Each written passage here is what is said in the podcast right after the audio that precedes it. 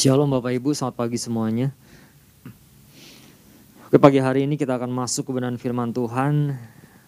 Pesan Tuhan minggu ini yaitu hati-hati memasuki zona berbahaya. Nah Bapak Ibu, pada dua hari yang lalu, kemarin Pak Isak juga sudah sempat saksikan bahwa lewat jalan tol, uh, beliau tidak apa rambu-rambu yang tertutup. Nah dua hari yang lalu saya mengalami hal yang sama Bapak Ibu. Ketika saya mengambil barang di daerah Maribaya, Maribaya ke sana lagi suatu pedesaan mengambil buah. Nah, saya ngambilnya pagi-pagi Bapak Ibu. Dan pagi-pagi itu daerah dari Dagogiri ke atas sampai ke hampir ke Maribaya dan ke sana lagi itu jalannya gelap, cukup gelap dan tidak kelihatan. Dan di situ rambu-rambu sangat sedikit sekali bahkan tertutup dengan pohon juga. Nah pada saat itu pagi-pagi itu karena saya mengejar waktu, saya cepat mengendarai dengan mobil, dengan tidak sadar ternyata di depan ada truk.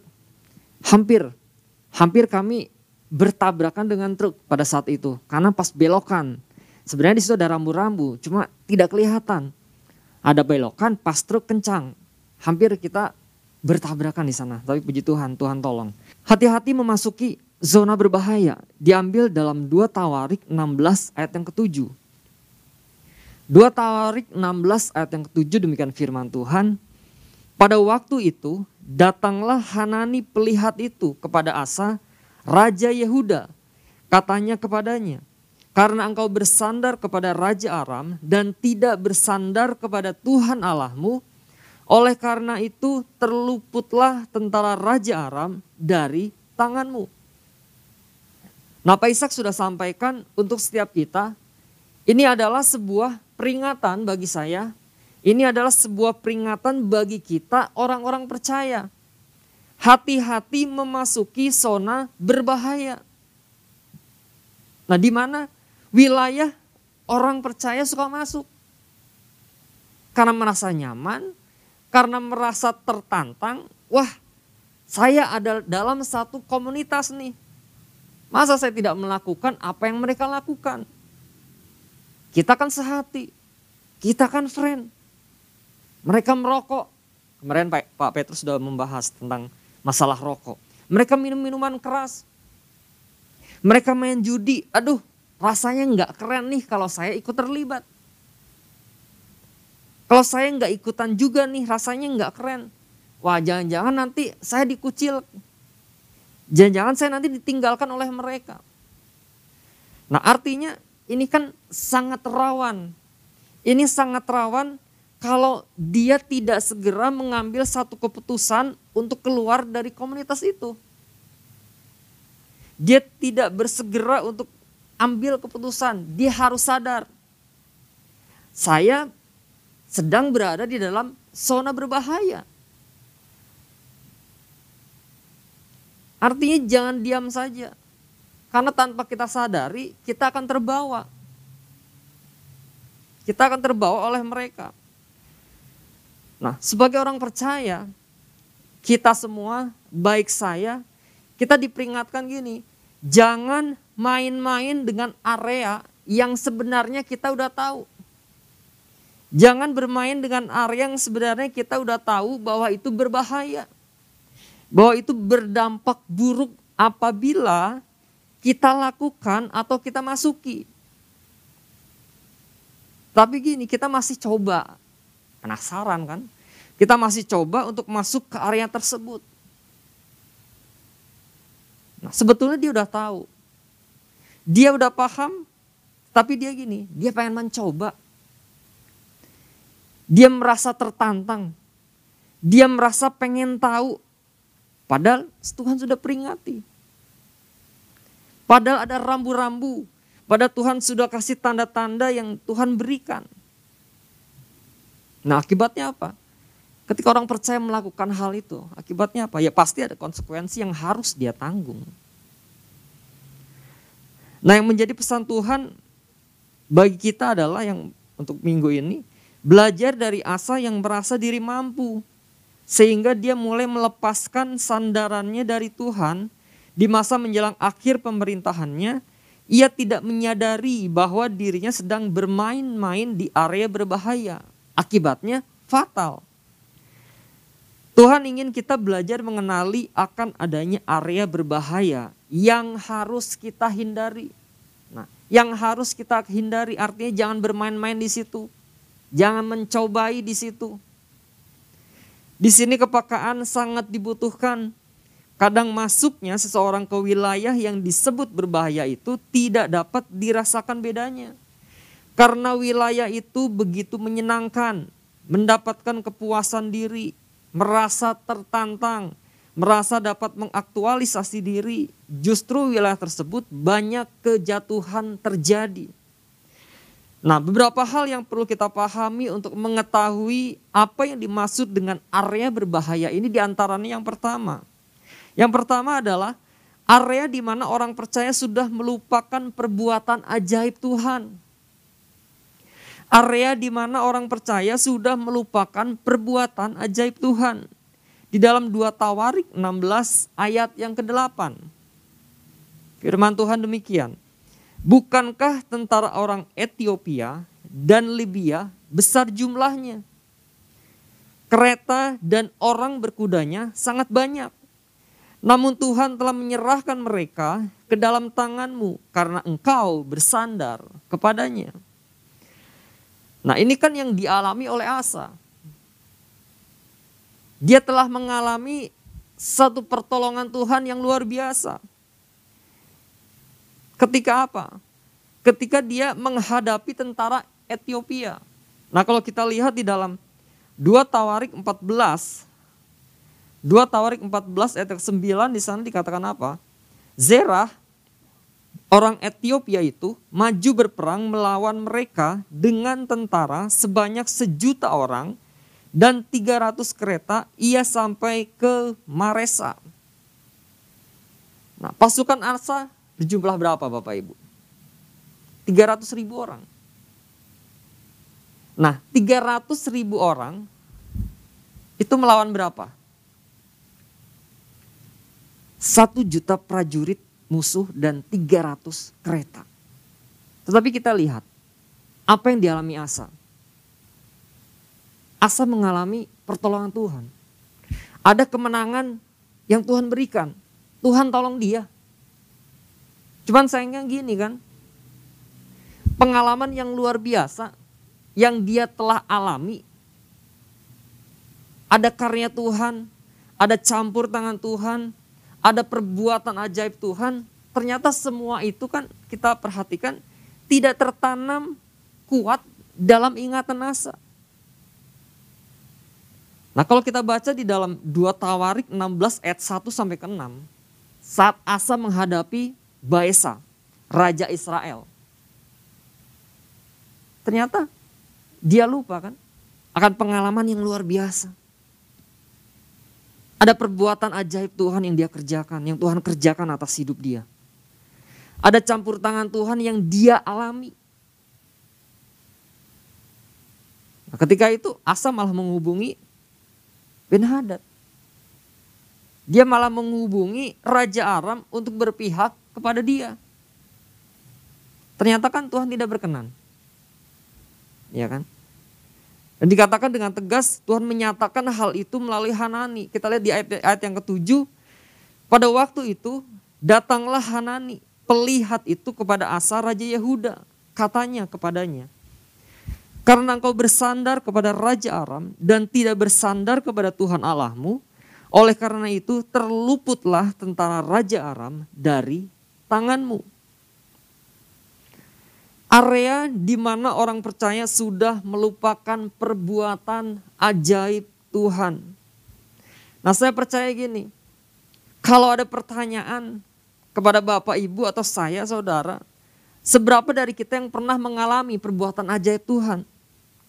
Seberapa kita yang pernah mengalami suatu kejadian yang luar biasa, perbuatan-perbuatan ajaib Tuhan campur tangan Tuhan dalam hidup kita.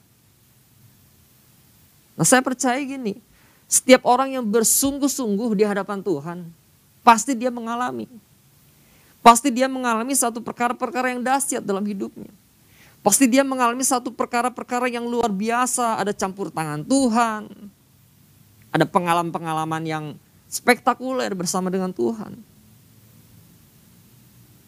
Nah pertanyaannya gini, apakah pengalaman-pengalaman yang begitu sangat berharga itu tertanam dalam setiap hati kita. Yang dulu Tuhan sudah kerjakan dalam setiap hidup kita, apakah itu masih tertanam dalam hati kita?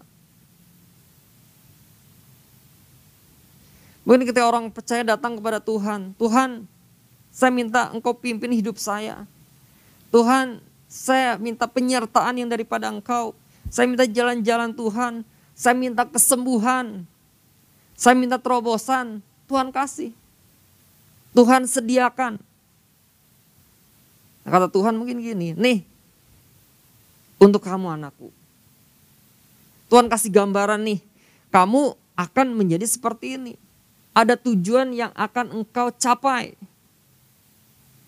Nah kalau kita lihat seorang tentara Bapak Ibu. Seorang tentara akan mencapai tujuan yang sudah ditentukan. Pasti yang namanya tentara di dalam sebuah perjalanan pasti ada namanya rintangan. Pasti ada yang namanya tantangan yang harus dia hadapi untuk mencapai satu tujuan tersebut. Nah sering kali gini kan, orang percaya nggak suka yang namanya proses. Orang percaya nggak suka yang namanya rintangan-rintangan. Dia pengen cepat mencapai tujuan. Padahal gini, Tuhan suka dengan apa yang namanya proses kan. Itu untuk mendewasakan saya, itu untuk mendewasakan Bapak Ibu semua. Waduh gini, lama banget Tuhan. Kok lama banget sih? Saya pengen instan. Instan juga kalau kita lihat itu ada prosesnya kan. Nggak mungkin makan mie instan nggak dimasak, ada proses itu. Aduh capek Tuhan. Nah kalau kita lihat di sini, ini adalah kita harus berhati-hati. Di area-area seperti ini akan ada pertimbangan-pertimbangan yang muncul dalam pikiran kita. Akan ada pertimbangan-pertimbangan dalam hati kita, akan ada keputusan-keputusan yang akan kita ambil ketika kita berkata, wah lama banget Tuhan. Aduh saya sudah capek, saya pengen cepat. Hati-hati di sini Bapak Ibu. Ingat kembali, ada karya.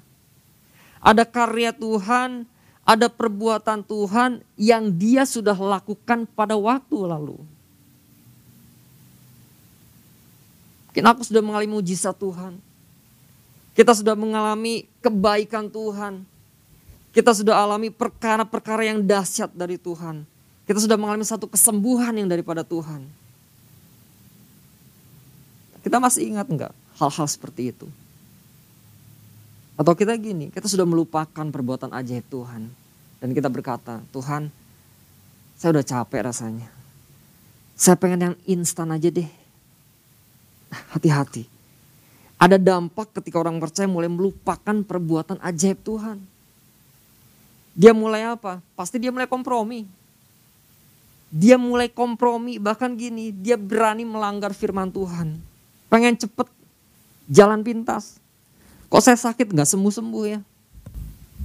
Kok saya usaha sepertinya gini-gini aja? Kok saya pelayanan sepertinya gini-gini aja? Padahal dia dulu telah mengalami perbuatan yang ajaib daripada Tuhan. Tuhan bekerja atas kehidupannya. Karena pengen cepat dia mulai dia mulai bermain-main di area berbahaya ini. Mulai mengandalkan kekuatan sendiri. Contohnya gini lah. Dengan pemikiran sendiri. Supaya pengen sembuh. Dia datang orang pintar. Dia datang ke pengobatan alternatif. Karena pengen cepat sembuh. Padahal dulu dia sudah mengalami perbuatan yang dasar daripada Tuhan. Saya sembuh karena Tuhan. Tapi dia pengen cepat. Adalah datang ke orang pintar datang ke pengobatan alternatif. Nah, kalau kita lihat kan kayak Raja Asa, eh, kayak Asa kan. Di tahun yang ke-39 pemerintahannya, kalau kita lihat di atas berikutnya, Asa sakit dan dia semakin parah kakinya. Dia tidak apa? Dia tidak minta pertolongan Tuhan. Dia malah lari ke tabib. Mungkin kita berkata, usahanya kok saya kok nggak maju-maju ya Tuhan. Udahlah pakai sistem dunia. Pergi ke tempat keramat minta penglaris. Ini kan area-area berbahaya yang sebenarnya kita sudah tahu. Kita udah paham tetapi kita coba-coba bermain di area tersebut. Pasti gini kan ada konsekuensi. Ada hal yang kita terima nantinya. Mungkin kita bisa jadi terlibat dengan kuasa gelapan, ada perjanjian yang harus kita lepaskan. Kemarin Pak Petrus juga udah sampaikan poin kedua kan, mana Pak Petrus bicara tentang tindakan yang harus dilakukan bagi mereka yang sudah masuk ke wilayah berbahaya. Itu poin pertama Bapak Ibu. Yang kedua, beberapa hal yang perlu kita pahami untuk mengetahui apa yang dimaksud dengan area berbahayanya di antaranya adalah yang kedua, Area di mana orang percaya mulai mengabaikan akan perhatian Tuhan. Mulai mengabaikan akan perhatian Tuhan. Di dalam 2 Tawarik 16 ayat yang ke-9. Karena mata Tuhan menjelajah seluruh bumi untuk melimpahkan kekuatannya kepada mereka yang bersungguh hati terhadap dia. Dalam hal ini engkau telah berlaku bodoh. Oleh sebab itu mulai sekarang ini engkau akan mengalami peperangan. Nah, sebenarnya Tuhan tahu nggak sih apa yang dialami Asa? Tuhan pasti tahu kan. Tuhan pasti paham. Masalahnya gini kan, dia nggak bersandar sama Tuhan. Dia nggak datang sama Tuhan, dia tidak minta kekuatan Tuhan, dia tidak berseru kepada Tuhan. Nah kalau kita lihat, kita mundur di dalam 2 Tawarik 14 ayat yang ke-11 kan di sana dikatakan apa? Kemudian Asa berseru kepada Tuhan, Allahnya, ya Tuhan, selain daripada engkau tidak ada yang dapat menolong yang lemah terhadap yang kuat. Tolonglah kami ya Tuhan Allah kami. Karena kepada mulah kami bersandar dan dengan namamu kami maju melawan pasukan yang besar jumlahnya ini. Ya Tuhan, engkau Allah kami, jangan biarkan seorang manusia mempunyai kekuatan yang melawan engkau. Kita, kita lihat di sini Asa berseru kepada Tuhan. Dia berseru. Nah, Tuhan tahu dong. Tuhan pasti tahu masalah setiap umatnya. Tuhan tahu masalah yang kita hadapi. Masalah, masalah saya, masalah Bapak Ibu, Tuhan ketahui. Karena tidak ada yang tidak Tuhan ketahui dalam hidup kita. Allah siap Allah siap menolong siapa pun Bapak Ibu. Dan Allah siap ini memberikan kekuatan kepada siapa? Kepada orang yang membutuhkan. Nah kalau kita lihat kata bersungguh hati dalam bahasa Ibrani itu artinya syaulem. Syaulem itu artinya sepenuhnya, menyeluruh. Sepenuhnya menyeluruh. Di sini Tuhan akan melimpahkan kekuatannya nih. Ketika orang bersungguh hati, sepenuh hati, menyeluruh, perfect, komplit. Nah di sini Allah akan melimpahkan kekuatannya. Nah cuma gini, kita sering kali mengabaikan. Kita sering kali mengabaikan bahwa mata Tuhan itu sebenarnya menjelajah seluruh bumi untuk apa? Untuk memberikan kekuatan. Masalah mungkin, rintangan yang sedang kita hadapi, Tuhan tahu. Tuhan paham. Tuhan mengerti apa yang sedang kita hadapi. Cuma sering kali kita nggak paham. Cuman sering kali kita nggak sadar, kita nggak mengerti, dan akhirnya gini kan, kita mulai bermain-main di zona berbahaya. Kita nggak mau apa? Kita nggak mau mendekat kepada Tuhan. Kita nggak mau berseru kepada Tuhan. Kita nggak mau doa lagi. Bahkan gini, kita nggak mau ibadah lagi. Orang-orang percaya nggak mau ibadah lagi. Orang-orang percaya nggak mau doa. Nggak mau mendekat kepada Tuhan. Padahal Tuhan lihat, Tuhan mampu memberikan kekuatan kepada setiap orang yang bersungguh hati. Nah ini kan zona berbahaya. Orang-orang yang menjauh dari Tuhan, Orang-orang yang tidak lagi mau ibadah kepada Tuhan, mendekatkan diri kepada sang sumber kekuatan itu. Kenapa? Kenapa yang dikatakan zona berbahaya? Iblis bisa serang kapan pun. Ini sasaran puk loh. Kenapa? Kita nggak dekat, kita nggak melekat kepada sang sumber kekuatan itu. Bagian kita apa Bapak Ibu? Bagian saya, bagian kita semua adalah kita datang mendekat kepada sumber kekuatan itu. Kita minta pengurapan yang daripada Tuhan. Kita minta hikmat kepada Tuhan. Dan kita apa? Berseru kepada Tuhan. Nah mari Bapak Ibu, pagi hari ini kita sama-sama belajar untuk kita apa? Mengenali akan adanya area berbahaya yang harus kita hindari dan jangan kita bermain-main di area tersebut. Nah, tadi beberapa hal yang harus kita perhatikan, kita pahami, mengetahui apa yang dimaksud dengan area berbahaya di antaranya yang pertama apa? Area di mana orang percaya sudah melupakan perbuatan ajaib Tuhan. Lalu yang kedua, area di mana orang percaya mulai mengabaikan akan perhatian Tuhan. Tuhan selalu memperhatikan kita. Dan pertanyaan gini, apakah kita mau terus berseru kepada Tuhan? Apa kita terus mau melekat kepada Tuhan, mendekat kepada Tuhan, terus bersatu hati dengan Tuhan. Nah, mari Bapak Ibu kenali akan adanya area berbahaya yang harus kita hindari. Tuhan Yesus memberkati.